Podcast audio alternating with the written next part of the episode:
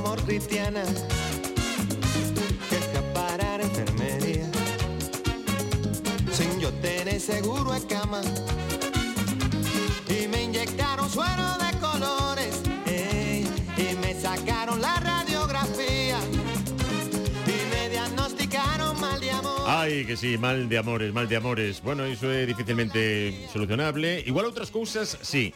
Non falamos de electricidade, pero falamos de tensión, que tamén preocupa con guerras, sen guerras, antes e despois. E ademais é eh, un síntoma ou, ou un, alguna, unha reacción corporal, o feito de ter unha tensión alta ou baixa, que vai máis aló do que do que vemos, do que presupoñemos, porque é tan silencioso que pode darnos un susto sen querelo, claro. Héctor Castiñeira, enfermeira saturada, bos días. Hola Kiko, moi bons días. Pois pois a verdade é que encima tal como está o panorama actual, aínda provoca máis que suba oh, a tensión, a verdade. E como tes a tensión? Non... E que estás tamén sometido a momentos de estrés polo teu traballo? Sí, a verdade é que eu miro a menos do que debería mirala. Vaya, se sou sincero. Mal empezamos. sí. miro ya a xente, pero non ma miro a min mesmo, non moitas veces, non. Entón, eh, sí que pero sí que é certo que o panorama actual influe, influe moito, influe a alimentación, influen moitas cousas, pero pero sí que a, a vida tal como está non non axuda que a tensión este controlada. Oi, podemos controlar ah, Isto soa un pouco magufo, non? E psicolóxicamente a tensión, o feito de tranquilizarnos nun momento de estrés, de intentar descansar, respirar profundamente, isto pode axudar? Pode axudar, sí, sí, dende logo que sí, non non sona para non só para nada así magufo porque sí que é certo que, bueno, ao final eh, se nós estamos nun ambiente máis tranquilo, conseguimos tranquilizarnos, conseguimos controlar os nervios e eh, conseguimos eh, que non nos afecte tanto todo, non, elevar unha vida un pouquiño máis tranquila, pois a verdade é que en certo modo si sí axudaremos a controlar esas cifras, non? Se temos a tensión disparada ou se temos eh, por herencia, por exemplo, ou, ou porque temos eh, unha alimentación moi mala, temos alimenta a tensión presión moi alta, pois axudaremos polo menos a que non suba máis, non? Pero sí que é certo que un pouquiño podemos baixala, eso sí, se temos que tomar pastillas para a tensión, que ninguén deixa as pastillas, porque di vou facer exercicios de relaxación, sí. e vai ser suficiente, e eso vai me chegar. Sería moi moi raro que che chegase con eso. Cantas persoas en Galicia teñen tensión alta? Mais ou menos, unha estimación. Pois mira, unha estimación eh, que fixo ademais a Sociedade Española de Hipertensión nos di que o 40% da poboación uh. galega, ou seja, eh, algo máis de un millón de persoas en, en Galicia eh, teñen a, a tensión alta. Eh, o problema é que, como decías ao principio, é eh, como se fose, por así decirlo, unha pandemia silenciosa, non? Porque a maioría da xente non sabe que, que a ten alta, non? Eh, son hipertensos asintomáticos, podería decirse. Sí, sí. e, e síntomas, e que falamos de sintomatoloxía, que síntomas pode dar a tensión alta? Pois, mira, a verdade é que eh, da xente que ten a tensión alta, oito de cada 10 non saben que, a, que non teñen síntomas, ou seja, non saben que a teñen porque non teñen síntomas.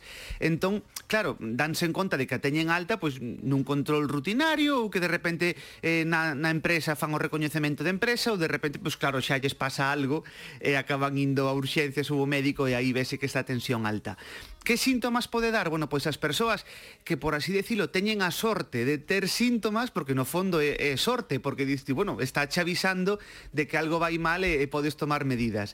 Eses síntomas, pois, solen ser normalmente eh, dor de cabeza, eh, mareo, incluso visión borrosa, e tamén un moi característico é que de repente empeza a sangrar o nariz. Ti estás tan tranquilo, non, non andiveches carballando por aí en nada, non metiche no, nada no eh, nariz. Non estiveches facendo de... perforacións Claro, e de repente empeza a sangrar, sen máis, sangra esta xente que di, teño tendencia a que me sangue moito o nariz, non? Bueno, pois vamos vigilar a tensión porque é un síntoma moi claro, moi característico de, de ter a tensión alta, e por así decirlo, é unha forma de que o corpo nos avise de que algo vai mal e que temos esa tensión alta e que hai que vigilala. É dicir que o 40% da poboación galega ten a tensión alta e 8 de cada 10 non saben que a teñen. Así é, dese, dese 40% se, coremos, se collemos a ese millón e algo de persoas, oito de cada 10 non saben que, que a teñen porque non teñen síntomas, uh -huh. entón realmente están non están diagnosticados e non están tratados. Todos modos, Héctor, igual estamos eh, supoñendo que todo mundo sabe que a tensión arterial, Así que igual podemos, podemos explicar lo que é a tensión arterial. Cando falamos de, de tensión alta, tensión baixa, a que nos referimos? Claro, porque falase moito así deste concepto, non? Teño tensión alta, teño tensión baixa, pero non, non ás veces non, non se acaba de entender ben. Bueno, pois a tensión é com a presión que exerce o sangue sobre as paredes dos, dos vasos sanguíneos, concretamente das arterias. Esa forza que, que fai o sangue contra as paredes dos, dos vasos. Claro, lóxicamente, se a temos moi alta, está meténdolle moita presión a, a mangueira, vamos a imaginar unha mangueira deste, unha mangueira do xardín. Bueno, pois claro, se a tensión é, eh, é, é baixa, pois a mangueira eh, podemos la mover sen problemas, se se a auga sae con pouca presión, pois podemos mover ben esa mangueira, non? Non se vai estropear, podemos la doblar, podemos la mover sen problema. Pero se lle metemos moita presión de, de auga á mangueira, pois vai quedar dura, vai quedar tesa, non a podemos mover, e ademais se eso mantemos durante moito tempo, esa mangueira, pois eh, todos sabemos que pode acabar rompendo. Bueno, pois exactamente o mesmo é o que sucede coas arterias. Se están sometidas a moita presión de non de auga, de sangue neste caso, pois poden acabar rompendo eh, e aparte vai ser, vanse estropear por esa, por esa tensión eh, durante moito tempo. Sen embargo, se a tensión está máis normalizada ou está un pouquiño máis baixa, pois eh, non, non van sufrir as paredes valores das arterias, como non sufriría Mangueira. Uh -huh. E cando falamos de, de valores, hai valores universais da tensión. Mm, mm, sempre falamos dunha máxima, dunha mínima, pero isto depende tamén das persoas, eh, do, do xénero, do sexo, da idade, de moitos factores. Sí, sí es cierto que vai variando, pero bueno, aí por, por así decirlo hai como unos valores eh, establecidos como normais, non? Vale. Aproximadamente, eh, sí que é certo, logo tamén depende de cada persoa, dos seus antecedentes e demais, pero temos como estandarizados, por así decirlo, unos valores normais de tensión. Eh, realmente, os niveis máximos, temos a máxima e a mínima, non? Realmente, uh -huh. que sempre se fala de tensión máxima, teño a máxima en tanto e a mínima en cuanto. Sí. Bueno, pois a máxima, o máximo que se podería ter está entre aí o, o normal normal sería entre 12 eh, 13, aí sería o, o límite, non? 12, 13 de máxima, ou 120, 130, que según como se dé o valor sería ese o valor máximo. E logo a mínima eh, o, o ido máximo sería entre 8 e 8 e medio, eso sería o máximo. Xa logo se pasamos de 14 de máxima ou 9 de mínima, xa estamos falando xa de, de hipertensión e xa, claro, xa habería que tomar medidas, porque un día de repente teñamos ese valor de 14,9 ou máis mm, así illadamente, non nos vamos considerar hipertensos, non? Pero se, se se fai un control e se de repente pois eh, facemos ese control durante varios días, eh, durante, por exemplo, un mes ou dous meses, vamos tomando atención cada pouco, e si se mantén ese valor, pois entón si vamos considerar que a persoa é hipertensa. Ahora, porque un día de repente nos suba a tensión, no pode ser pois eh, o prezo da gasolina sí, que sí, nos sí, fai sí. que, que suba. Tamén teño escoitado que eh, ollo cando a tensión alta non é moi alta e a tensión baixa é bastante alta. Cando están eh, cer mm, eh, cerca un de outro os dous baremos ou os dous mm. índices. Isto é certo?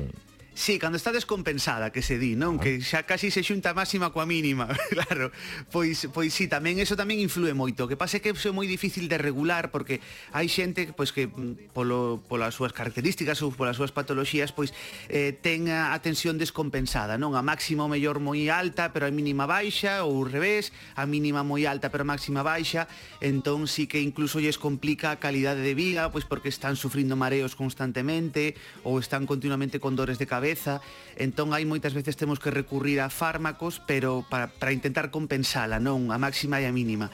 Pero é a parte máis complicada de, de compensar porque, como digo, si sí é certo que é moi difícil chegar a unha boa tensión compensada, eh, moitas veces hai que estar xogando coas pastillas, pois toma, sube desta, eh, douche dous antihipertensivos combinados, por exemplo, uh -huh. eh, ata que se chega a ese valor, pois a verdade é que o paciente pasou mal porque ten esa sintomatoloxía que, que non lle permite estar ben no seu día a día. Agora preguntarei, Héctor, sobre que facer ou que podemos facer para baixar un pouco a tensión Pero eh, se tes que contarnos ou resumirnos por que tan perigoso ter a tensión alta, por que debemos estar preocupados eh, por algo que, que non notamos en principio, eh, ata que igual temos ese susto non do que falábamos, eh, por que é perigoso ter a tensión alta? Pois mira, a, a, ademais de que influen moitos órganos, digamos que así eh, a urxencia eh, máis clásica que se soe dar por ter a tensión alta é que unha arteria rompe. O sea, realmente... Ai, por favor Claro, eh, como decíamos, eh, as arterias están sometidas a moita presión porque a tensión está moi alta, esa presión que xerce o sangue contra as paredes dos ar das arterias é moi alta. Eh, claro, que era como que falábamos da mangueira, non? Que tes moita presión de auga nunha mangueira que non está preparada para esa presión de auga e poder romper. Bueno, pois esa sería eh, o, o máis grave en principio así súbitamente que pode suceder, que esa arteria rompa, e claro, pois de repente dependendo onde rompa, se tes a sorte de que rompe no nariz, pois vas ter un, un sangrado nasal e non vai pasar a mm. cousa dai, pero esa arteria pois pode romper no cerebro ou pode romper, eh, por exemplo, no corazón, non? E ter eh, unha urxencia eh, que acabas moi moi grave no hospital, pois eso, cun, cun, co que se chama un ictus, eh, clásicamente, mm. que sería eso, que, por exemplo, pois neste caso que rompe esa arteria do, do corazón e que hai que intervir moitas veces para descompensar comprimir eh, ou incluso pois que rompes esa arteria en calquer outro órgano do corpo, non? Entón aí estaríamos falando xa dunha urxencia vital e por eso eso é o que hai que evitar sempre, que esa tensión alta nos, nos rompa unha arteria, non? E logo despois a, a larga, aínda que digas, bueno, pois teño unhas arterias moi resistentes e non rompen, non? Afortunadamente.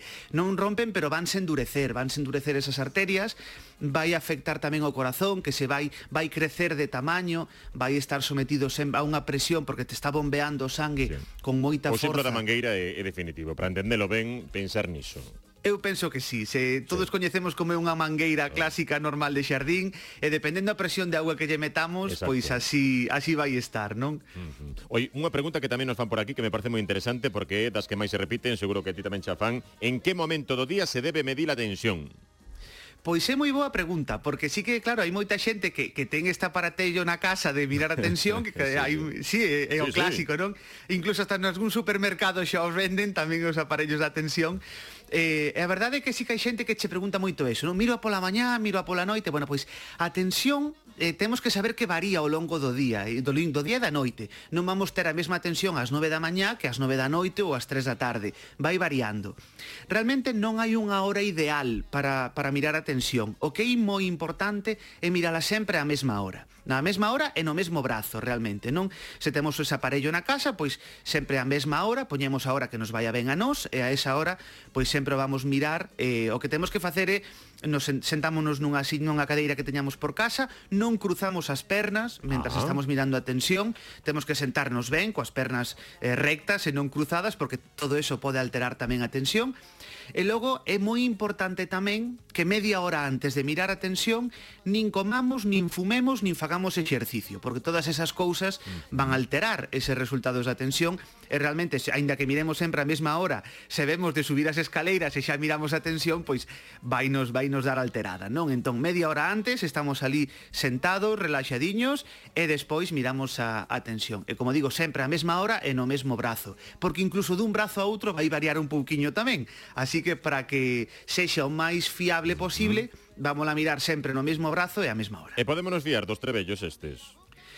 Pois a verdade é que fai anos eh, había uns que un poquinho máis fiables, outros menos. Hoxe polo que estou vendo, polo que se veo, que vexo que se vende, en xeral a maior parte son son moi fiables, non? Mm. Eu hai algúns que miran na na boneca, outros no brazo, Eu realmente o que o que aconsello sempre que bueno, que primeiro que o aparello este homologado, que sexa sí. que o compres nun sitio que che dé unha, unha tranquilidade, Se non? Se fabricando en Wuhan, desconfío.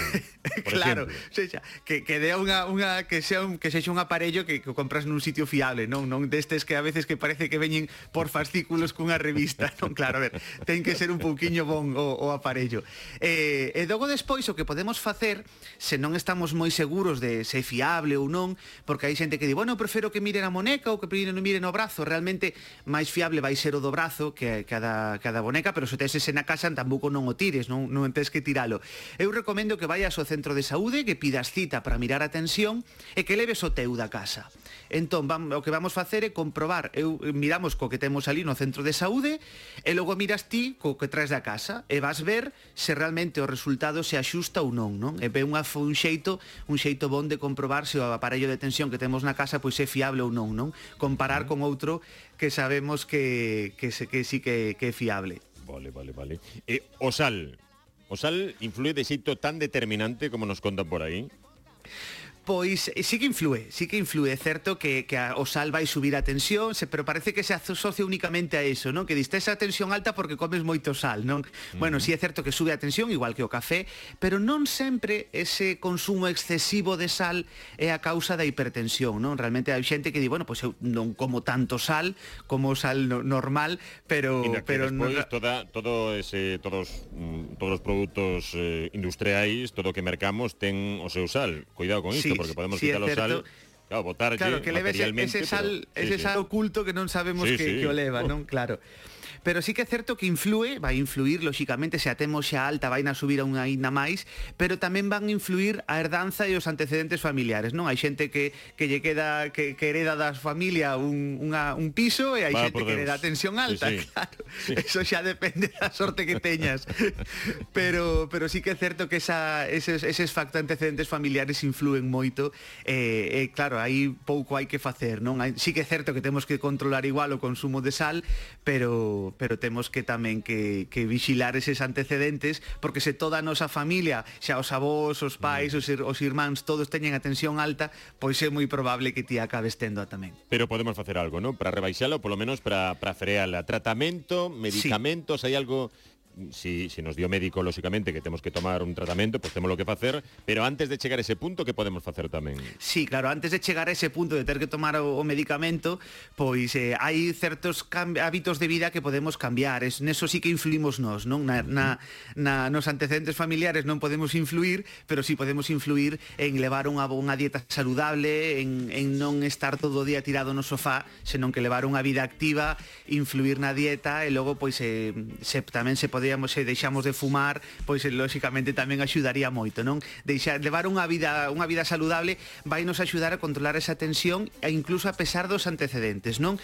Se timos que se temos que tomar a tom, empezar a tomar pastillas aos 30, pois se nos coidamos, pois igual esperamos hasta os 40, non? Son anos que galles gañamos aí a, as pastillas. Pero vida saudable, dieta, bueno, ao final sempre acabamos no mesmo.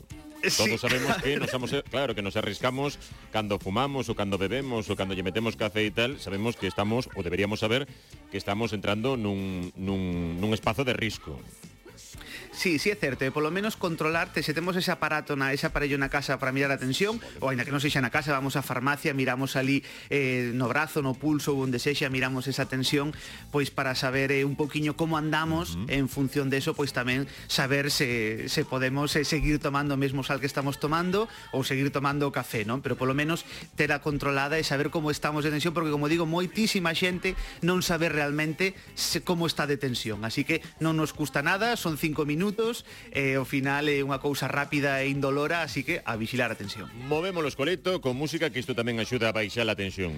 Héctor. Dende logo que sí, poñemos este este temazo que soaba eh... moito fai nos anos 70 o Le Freak de Chic, eh, bueno, eh, se movemos se algún se quere animar a bailar, pois tamén axudar a regular a tensión, claro, claro que sí. Aí está, sempre servizo público. Héctor Castiñeira, enfermera saturada, grazas, compi. Unha aperta, ata logo.